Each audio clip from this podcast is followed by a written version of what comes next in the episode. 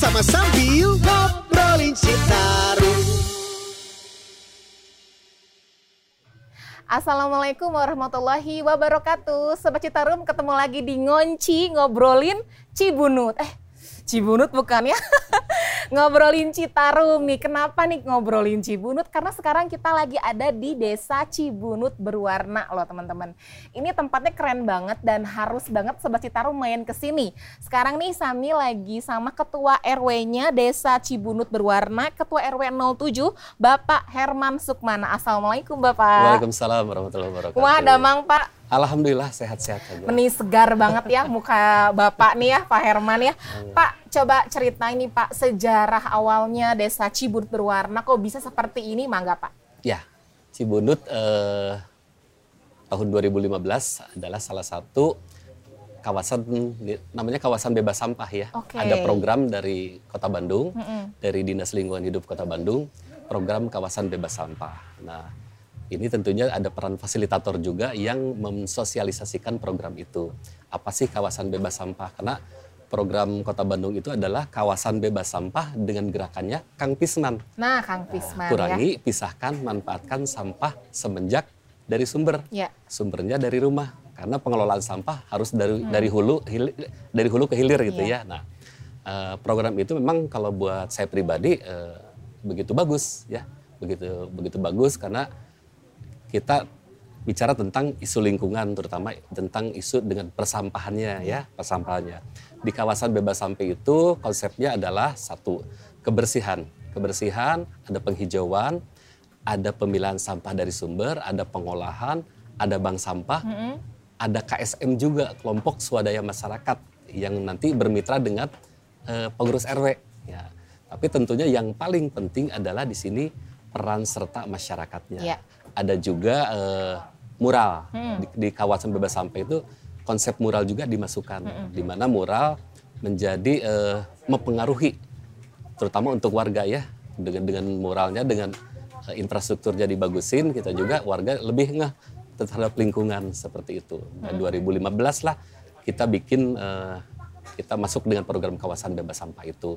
Ada apa di kawasan be- bebas sampah? Supaya sampah itu kita bisa perlakukan sebagaimana mestinya Iya. ya terutama eh, sampahnya. Jadi warga sudah tersosialisasi, sudah sudah teredukasi sampah harus dipilah dari sumber ya. Dan kita jelaskan juga manfaatnya kalau sudah dipilah gitu. Itu sementara teh. Ya. Ada lagi. Oh, jadi itu awal dari kawasan bebas, Bebas sampah. sampah, iya. Kalau idenya nih Kang, pasti kan eh, kalau kita main ke gang-gang gitu Kang ya, itu kan kayak ya udah biasa aja rumah-rumah gitu.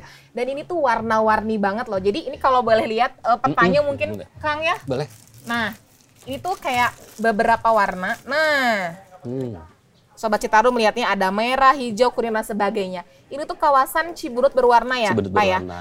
Kok bisa sih ide awalnya dari mana tercetus eh, ide seperti ini gitu, Kang? Ya. Ini ide ini sebetulnya eh, konsep dari pemuda dari kalau kita sebut Karang Taruna ya Ya. dari pemuda. Begitu saya jadi ketua RW, kita kan FGD berkumpul semua. Ya. Pengurus RT, RW, Karang Taruna, eh, PKK semua berkumpul. Semua harus menyampaikan programnya 2016 itu. Nah, salah satunya adalah program pemuda konsepnya adalah Cibunut berwarna. Nah, waktu itu saya tanya eh, konsepnya seperti apa? Karena kampung berwarna mungkin sudah banyak ada di tempat lain Iya. ya. Tapi memang kita konsepnya berbeda. Cibunut dengan labirinnya, dengan gang bulak beloknya. Uh. Iya, gang seribu punten katanya Seribu gitu. punten, ya. Gang seribu punten, gang senggol bacok katanya. Aduh, itu kalau guyonan gitu Oh, ya. iya, iya. Bagaimana kita eh, ciptakan supaya tidak apalagi sampai jangan sampai menuju stigma kumuh ya. Iya, nah, betul. kita terima program itu konsepnya Cibunut eh, berwarna satu RT satu warna rumahnya. Oh, satu RT satu, warna. rumahnya. RT 1 warna hijau, RT 2 warna biru, RT 3 warna pink, Ya. 4 kuning dan ada 5 RT lainnya. Lima yang- RT. Ya, Jadi jadi, lima warna seluruhnya nih, Pak. seluruhnya ada 10 RT. Oh, 10 RT. Tapi yang ada terkena konsep Cibunut berwarna adalah 9 RT. Sembilan. Kenapa, Pak? Sembilan RT aja. Iya, karena RT yang ke-10 itu lebih di pertokoan. Oh, kantor oke. dan pertokoan di Jalan Iya. Sunda. Oh, iya. Jadi kita tidak ikutkan ya, tapi tetap itu wilayah kita Ya. gitu. Nah yang 9 RT ini menjadi eh, Cibunut berwarna, satu RT satu warna dengan konsep dulu muralnya itu, jadi selain berwarna ada mural juga, mural dengan ada tematiknya, Ya. seperti di sini ada permainan anak-anak, Oh, kita iya. lewat eh, visualisasinya ada gitu ya. Nanti malah ke, ke depan harus dengan aplikasinya juga Betul, gitu betul. ke depan. Nah itu eh, Cibunut berwarna. Idenya tentu saja ini eh, kita berkolaborasi. Kita dari dapat sponsor ya, dari sponsor dari chat. Kita juga eh, berkolaborasi dengan Ikatan Alumni ITB Jawa Barat Oh, ada yang juga, Pak, menjadi ya? mediatornya untuk mencari sponsor. Hmm. Nah, Cibunut berwarna diresmikan oleh dulu Pak Wali Kota Kang Ya. Ridwan Kamil tahun 2017, 2017, bulan ya. November ya. Jadi Cibunut berwarna sekarang sudah masuk ke lima tahun. Lima tahun. Ya. Nah, kalau kawasan bebas sampah dari tahun 2015. Oh jadi duluan kawasan Duluan bebas kawasan sampah sampah. ya? Justru- oh jadi pas 2015 tuh belum ada warna-warni eh, belum, Pak? Oh belum. Tapi sudah ada kolaborasi kita dengan berbagai komunitas dari kampus gitu Iya. ya, dari kampus eh, karena di kawasan bebas sampah Iya. ada ada konsep mural juga. Nah, dulu bukan anak-anak kita, bukan warga, warga kita Iya. yang membuat mural itu, malah komunitas dari kampus Oh. gitu. Setelah komunitas membuat, anak-anak kita Pemudanya? jadi terpancing. Udah Istilah- hoyong Iya. Oh, Om RW, kita juga bisa lebih bagus bikin. Iya, iya. Kenapa diam saja? Ayo tuh bergerak gitu. Nah dari sana mungkin ide mereka juga Iya. muncul bagaimana mencari sponsor ya, mencari CSR. Alhamdulillah kita dapat CSR dulu ya dari da- tahun 2017 itu sampai diresmikannya oleh Kang Emil gitu Iya, iya, sampai iya. sekarang. Jadi eh, perbedaan nih eh, Kang Cibunut berwarna Hmm. sama eh, apa ya desa-desa yang lain ini apa aja nih Kang selain yang tadi disebutin? Iya bedanya mungkin eh, karena tagline ya, tagline pemuda juga di Cibunut Finance itu mereka ingin membuat, menciptakan ya. Jadi kampung kreatif berwawasan lingkungan. Nah, kampung kreatif berwawasan lingkungan. Jadi kreativitasnya ada di Cibunut berwarnanya. Ya. Nanti di lingkungannya ada pemilahan, pengelolaan dan pengolahan sampah, Nah. sampah organik Ya. maupun anorganik. Itu itu yang membedakan ya, Ya. dengan kampung lainnya dan berbagai komunitas yang sudah berkolaborasi di sini seperti dari Teresa Sarasvati ya. Teresa ke sini juga? Ke sini juga membuat Penelusuran nggak? ya Oh, penelusuran Jadi- juga? Aduh. waktu itu Teresa bikin apa eh, apa namanya Vlog gitu Pak, vlog. acara apa eh, di kita kan sering ada dari udah berapa tahun Ya. anak-anak kita sering bikin acara kalau Agustusan bikin acara jerit malam namanya Oh, jerit malam. Aduh. Ya, jerit malam Yang sieunan itu teh Pak? ya jadi satu RW ini lampunya apalagi lampu luar dimatiin Oh, semuanya iya. nah sama panitia Agustus itu dibikinlah game Oh, games. si anak-anak itu harus mencari sesuatu di tiap titik posnya gitu. Dan di tiap pos itu banyak hantunya. Waduh. Ah, ada ada tuyul, ada pocong, ada apa di sini. Tapi itu inspirasi loh Pak. Kan Ya. salah satu misalkan nih eh, dimatiin semua lampu itu menghemat energi kan Pak ya? Nah, nanti saya ceritain lagi ya. kan, salah iya. satunya jadi ke mana ya. Nah, begitu Teresa kan Teresa mencium Cibunut karena dari apa? Dari program Earth Hour. Iya, Earth Hour Ya, betul. jadi ada Earth Hour punya punya program semalam. Ya. Sejam matikan lampu. Matikan lampu, betul. Nah, kalau buat kita mematikan lampu itu kalau dari acara jerit malam bukan satu jam lagi, bisa sampai subuh. Gitu. Jadi sudah banyak Oh. iya. berapa he- menghemat berapa betul, eh, betul. listrik gitu ya. Betul. eh, untuk itu untuk listrik. Nah, akhirnya tercium sama Teresa. Teresa Saraswati ingin membuat sekalian eh, launching, launching albumnya di Gedung Rumentang Siang. Oh iya, Jadi iya. eh, timnya izin Pak RW, saya bikin acara karena acaranya di Gedung Rumentang Siang. Tapi kita ingin pengen acara seperti ya begitu penelusuran. Akhirnya Cibunut ini jadi lokasinya. dijadikan lokasi. Wih, mantap. registrasi di depan kurang lebih 200-an lebih peserta. Dari Jalan Sunda registrasi. Ya. Nah, Cibunutnya sendiri dimatikan lampunya sama Karang Taruna.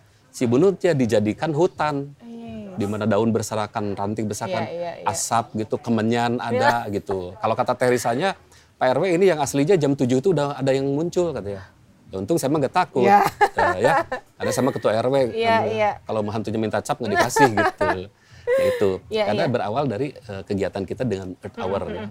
Jadi kita sering menghemat eh, listrik, Listrik. di acara Earth Hour itu Iya. semalam sejam matikan lampu. Nah awalnya dari jerit malam. Ya. Kalau jerit malam dimulainya begitu jam 9 tank semua mati Mati. mati Oh, lampu iya. itu digelapin semuanya bisa sampai subuh.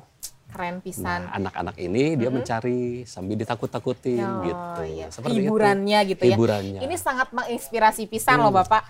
Nah, eh, kita sekarang ke lingkungan nih. Tadi kan Bapak ngomongin bahwa di sini ada pemilahan sampah. Betul. Coba Pak ceritain ini pemilahan sampahnya itu per RTK atau per RWK. Terus ada apa lagi selain pemilahan sampah lingkungan khususnya spesial di sini? Ya, jadi eh, kenapa harus eh, warga diwajibkan pemilahan sampah ya? Karena kita seperti kita ketahui ya, eh, bukan kota Bandung saja yang bermasalah dengan sampah. Ya. Mungkin seluruh dunia, seluruh umat manusia merasakan dampak eh, permasalahan dengan Betul. sampah. Kita, eh, kenapa saya tertarik dengan isu sampah? Karena pada tahun 2005 saya sendiri pernah merasakan bagaimana setelah TPA Lewi Gajah meledak, ya dampaknya kan selain korban jiwa 157 jiwa, dua desa terkubur, Ya. TPA ditutup. Nah dampak selanjutnya apa? Bandung yang terkenal Bandung Lautan Api tiba-tiba harus menjadi Lautan Sampah, Bandung Pak, ya. Lautan Sampah. Ya. Mau terjadi seperti itu lagi? Tidak dong ya Tidak Pak ya? dong. Mm-mm. Nah jadi ada upaya dari eh, BJBS namanya eh, BJBS. eh, Bandung Juara Bebas Sampah membuat kawasan bebas sampah dengan kol- kolaborasi dengan eh, dinas ya, Ya. dengan gerakan Kang Pismannya. Jadi bagaimana supaya ada pengurangan sampah dari sumber dari wilayah. Ya. Nah itu salah satunya adalah nomor satu pemilahan sampah dulu dari warga. Nah warga kita sudah teredukasi dari tahun 2015 Oke. harus memilah sampahnya. Ini organiknya. Organiknya kalau sudah terkumpul dari warga, saya kan punya KSM, kelompok swadaya Masyarakat. masyarakat. Kelompok swadaya masyarakat ini keliling door to door collection. Ngetok gitu Pak? Ya, Hmm. tapi awalnya bukan door to door collection dulu, awalnya adalah door to door education. Oke. Door to door edukasi. dulu, Pak, ya, saya selalu manfaatkan momen apa pun. Misalkan ada pengajian, tablik akbar, saya selalu selipkan ke Pak Kiainya. Pak Kiai, saya ketua RW, saya punya program, Bandung punya program adalah buat kawasan bebas sampah di mana warga harus peduli sama sampahnya, harus memilah sampahnya. Kita sampaikan. Kalau sama Pak Kiai kan dia ada dalil hadis hukumnya Iya, iya. bisa menjelaskan ke ke jamaah gitu. Lewat flyer juga, Iya. lewat edaran, lewat grup WA warga dan yang paling penting adalah door to door edukasi. Iya. Kita sosialisasi dulu, dibikinlah tenaga-tenaga edukatornya diberi pelita- pelatihan untuk nanti bagian mengedukasi ke masyarakat. Edukasi itu kan harus disampaikan sosialisasi, edukasinya, programnya sampai pemanfaatannya. Iya. Nah itu selalu tersampaikan. Jangan sampai ada warga bertanya, ini kalau kita sudah kumpulkan dikemanain sampahnya? Iya. Takutnya dicampur lagi, nanti dibuang lagi. Nah kita sampaikan masyarakat. Organik kalau sudah terkumpul, diolah di kawasan, di wilayah kita. Nah sebagian lagi diolah di pusat olah organik kota Bandung. Itu di mana Pak? Ada di Babakan Sari, Oh, TPS oke. Babakan Sari, ada di Gede Bage, ada di Jelekong, ada di Dispangtan juga ada, Ya. di Tegalaga juga ada, di Pasar Ciwasra ada. Nah tapi selama kita di kawasan bisa mengolah, Ya. mengurangi di, di kawasan, ya lakukan di kawasan. Seperti di lapang ini ada beberapa jenis pengolahan metode pengolahan sampah organik, dibikin pupuk kompos. Ya. Ya, nah ini kurang lebih di sini dua hari kan ada jadwal pengambilan sampah organik Seminggu itu. itu berapa kali Pak? tiga kali. Tiga kali. Jadi dua hari sekali sampah organik itu door to door collection diambil Senin, Rabu dan hari Jumat. Oke, Senin, Rabu, dan Jumat Ya, ya. dan itu diambil oleh tim KSM, kelompok swadaya masyarakat. Alhamdulillah, kelompok swadaya masyarakat di RW 7 ini sudah diapresiasi oleh Pak Lurahnya. Hmm. Dijadikan tim supervisi kelurahan untuk melebarkan kawasan bebas sampah Ya, ya, ini. ya. Jadi kalau di kebun pisang bicaranya sekarang bukan lagi satu RW, tapi sudah satu kelurahan. Satu kelurahan. Gitu Mantap. kurang lebih eh, data terakhir bulan Juli itu sampah organik yang tidak dibuang ke TPS TPA untuk satu kelurahan kurang lebih 6 ton Berkurangnya. berkurangnya karena tidak tidak dibuang ke TPA Iya, karena nah, diolah di wilayah diolah, dan betul. diolah kota Bandung. Betul. Nah, itu untuk eh, sampah organiknya. Ada juga sampah anorganik Iya. yang punya nilai ekonomi Betul. seperti gelas, Botol, botol, plastik, gitu ya. ya. Nah itu kita sudah punya bank sampah dari tahun 2015. Oh langsung itu bikin bank sampahnya Bikin Pak bank sampah. 2015. Karena di kawasan bebas sampah ada konsepnya bank sampah juga ada bank sampah dan sedekah sampah. Sedekah sampah. Ya, warga yang tidak menabung di bank sampah, tapi dia sudah memilah sampah, dia sedekahkan sampahnya kepada siapa? Bisa kepada petugas sampah yang mengambil residu, Ya. atau langsung bersedekah ke bank sampah, atau bersedekah ke tetangganya yang menabung di bank sampah. Oh iya iya. Jadi kita kurang lebih sudah hampir 150 eh, nasabah. Wih. Karena bukan bukan warga RW kita aja yang ikut nabung Jadi di yang kita. dari luar boleh Pak Ya, ke sini da- Pak. Betul. Dari beberapa RW ada yang ikut eh, nabung, Ya, nabung. ya, ya. Nah, ini biasanya eh, tabungannya diambilnya seminggu sebelum lebaran. Per kilo berapa Pak?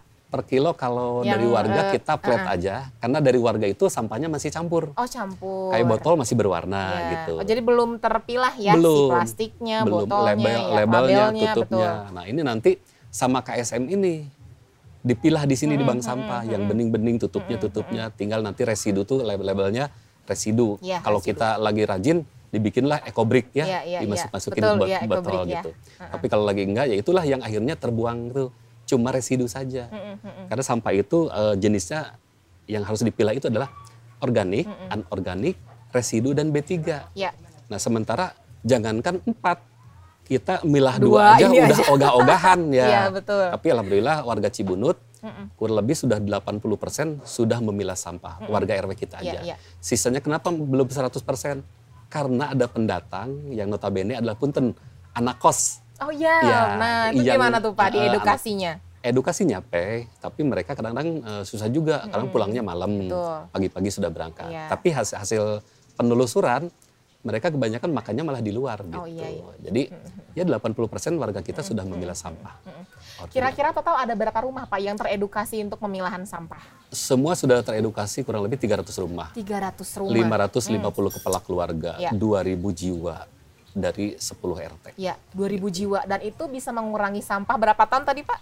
Organiknya eh, untuk RW kita saja kurang lebih 3 ton Tiga per ton. bulan. Per bulan per loh, bulannya. 3 ton ya. Anorganiknya yang warga nabung di bank sampah. Iya. Catatan hari eh, bulan kemarin Juli adalah 778 kilo Wih, yang sudah tidak dibuang ke ke TPS TP, TPA. TPS TPA karena itu sudah jadi milik warga, Iya, iya, iya. tabungan warga gitu. dan jadi uang Pak. ya? Uang, betul, begitu karena betul. bank sampah ya. Iya, betul, Ya. betul. Eh, gini Pak, ini sebuah apa ya? Ini masalah yang cukup krusial Pak ya. Jadi daerah sini tuh luar biasa banget bisa bisa mengurangi tiga ton lebih ya Pak ya. Nah ini gimana sih Pak cara memotivasi daerah lain supaya seperti Cibur berwarna terkait lingkungannya Ya, fokusnya nih Pak. jadi di DLH itu, ya alhamdulillah saya juga kebetulan menjadi tenaga harian lepas DLH. Oh oke. begitu jadi RW, Cibunut dalam dua tahun sudah berubah. Nah, ada reward juga, termasuk untuk saya mungkin pribadi. Rewardnya satu, direkrut menjadi tenaga harian lapangan Iya. lepas ya di DLH. Reward kedua, saya diberangkatkan ke Jepang Wow. untuk eh, belajar, katanya belajar Tentang lingkungan tentang Pak. lingkungan, tentang pemilahan pengolahan Iya. sampah. Diberangkatkan juga ke Singapura pada tahun 2018. Pada tahun 2018 juga Cibunut ikut lomba pengelolaan sampah tingkat Jawa Barat yang diadakan oleh BBWS PUPR. Iya. Alhamdulillah juara pertama, gitu, juara pertama. Nah ini kan eh, buat kita anugerah gitu Iya ya betul. Dari jadi memang kita harus berbuat baik. Menurut orang baik Cibunut sudah berbuat baik berbuat kebaikan. orang-orang sudah berbuat kebaikan memberi contoh gitu ya. nah ini DLH juga punya tenaga-tenaga edukator yang disebar di, ke seluruh kota Bandung untuk mengedukasi wilayah mana. Jadi karena programnya program Pak Wali Kota, program unggulan ini adalah Kang Pisman, Buruan Sae, Iya. Stunting dan ODF. Oke. Nah ini program unggulan Pak Wali Kota ya, almarhum Mang Oded gitu. Oded, iya. Nah ini kan harus masif, harus terus berjalan supaya Cibunut saja bisa mengurangi sampah organiknya 3 ton Ya, sebulan. sebulan ya. Coba kalau dari serat, kurang lebih 100 1850 1581 RW Kota Bandung melakukan hal, Ya. Hal yang itu, sama, kan berarti makin banyak Iya. berkurang Betul. sampah yang dibuang ke TPA itu. Maksudnya seperti itu. Jadi harapannya ya semua bisa ikut program ini gitu. Eh, Bapak suka ini gak sih kayak ngasih pelatihan ke setiap daerah gitu gak sih? Ya alhamdulillah karena sudah ditunjuk menjadi salah satu tim edukator Dinas Iya. Lingkungan Hidup Bandung. Insya Allah saya juga se- selalu eh, ada yang mengundang menjadi Iya, narasumber iya, iya. untuk menjelaskan, sosialisasikan program ini gitu. Ya, karena ini menarik banget loh, serius Pak. Pas tahu tiga ton sebulan, wah luar biasa Iya. pengurangannya ya. Dan kita data ada Iya, komplit gitu. iya. Tadi Bapak cerita tentang eh, menampung air hujan nih Pak. Kita Hmm. beralih sedikit dari sampah ke air hujan. Eh, data membuktikan bahwa eh, air tanah itu semakin berkurang karena tereksploitasi ya Pak ya. Hmm. Betul. Nah, eh, salah satu program di sini nih yaitu menampung air hujan. Coba ceritain Pak kayak gimana? Ya, jadi Cibunut dari kawasan bebas sampah bermetamorfosis menjadi kampung proklim. Proklim apa tuh Program Pak? kampung iklim tingkat nasional. Program kampung iklim tingkat dari nasional. dari Kementerian Lingkungan Hidup ya. Kita alhamdulillah sudah dapat apresiasi tingkat madya dan utama. Nah, di Proklim itu indikatornya lebih banyak. Jadi terutama data-data. Kalau saya eh, membuat pohon-pohon gantung ini, pot-pot gantung ini harus ada jumlah nilai apa? eh, jumlahnya harus jelas, harus ada datanya. Iya. Jangan sampai Pak RW dengan pengurus RW dengan KSM menanam pohon, membuat pot ini tidak punya data. Nah, di sini ada data. Jadi di Proklim itu salah satu adalah konservasi air juga. Di sini banyak biopori, ya dengan program dulu sejuta biopori. Iya. Di sini kurang lebih ada ratusan biopori. Kemarin kita dapat lagi hadiah dari eh, Pak Kadis DSD ABM untuk drum porinya lebih besar, lebih banyak air yang terserap Tertampungnya Iya, ya, di iya. kawasan. Nah, kalau rainwater harvesting namanya ini adalah Apa tuh Pak? pemanfaat Rainwater, rainwater harvesting. harvesting ya, pemanfaatan air hujan. Jadi selama ini kita eh, air hujan tuh langsung ke sungai saja ya, karena sudah tidak ada penyerapan, Iya, iya. sudah tidak ada pemanfaatan. Minimal eh, kita meskipun tidak besar, tidak banyak yang menyerap, tapi ada, ada yang diserap. Sama halnya dengan sampah. Kalau semua kita lakukan seluruh RW di Kota Bandung banyak air yang terserap. Ini dari talang warga, dari rumah warga ditampung dulu dalam satu tong. Iya. Nah tong ini nanti sekedar untuk cuci tangan, sekedar untuk menyiram tanaman, Iya. bisa dimanfaatkan air itu. Dan di bawahnya ada biopori. Begitu kita mencuci tangan, airnya diserap lagi sama biopori. Nah, Tidak langsung ke sungai. ya, Pak. Iya. Betul. Seperti halnya air cucian beras. Kita kan air cucian beras selama ini banyak terbuang percuma. Kita edukasi ke warga. Mencuci beras itu harus ditampung dulu. Ya.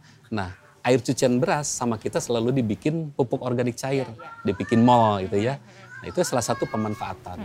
Itu di program Kampung Iklim. Jadi di, di program Kampung Iklim lebih ke segalanya by data. Iya. Harus data. Makanya jadilah kita punya eh, buku profil RW. Hmm. Nanti boleh dilihat buku profil Iya. RW-nya. Segala data apa yang kita lakukan, apa yang kita kerjakan di Cibunut ada datanya. Lengkap ya. Lengkap. Tinggal kita update. Ya. Karena itu tahun 2019. Kita mau update. Kalau 2019 pencapaian organik baru sekedar 500 kilo, Ya. sekarang sudah 3 ton lebih. Kan itu ada ada pencapaian. Betul, betul, nah, itu betul. harus diupdate Ya. gitu. Ke depannya nih Pak, inovasi apa sih yang akan dilakukan sama Cibunut berwarna?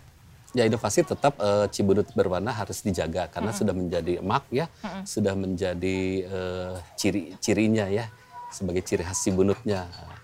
Itu tetap dijaga Cibunut berwarnanya. Pengelolaan sampah, pengelolaan sampah kita lebarkan lagi kawasannya nanti dari satu RW, satu kelurahan bisa jadi satu kecamatan. Iya. Ya, supaya semua bisa mengurangi sampahnya dari sumber. Harapannya seperti itu tentunya. Ya, Pak tadi eh, beberapa kali nih denger oh darling my darling nih. Singkatannya apa sih Pak itu ya? Jadi eh, kita punya KSM, saya buat KSM kelompok swadaya masyarakat. Nah kelompok swadaya masyarakat ini adalah mitra RW, jadi tidak berada di dalam struktur organisasi RW.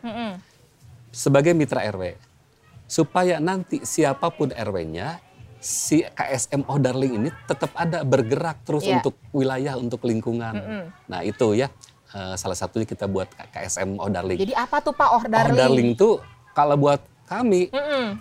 teteh Apa? teteh siapa namanya? Teh Sani. Teh Sani.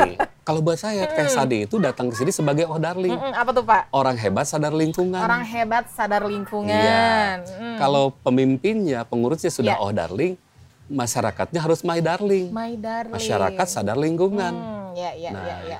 itu tetap harus berkolaborasi, harus terintegrasi semuanya.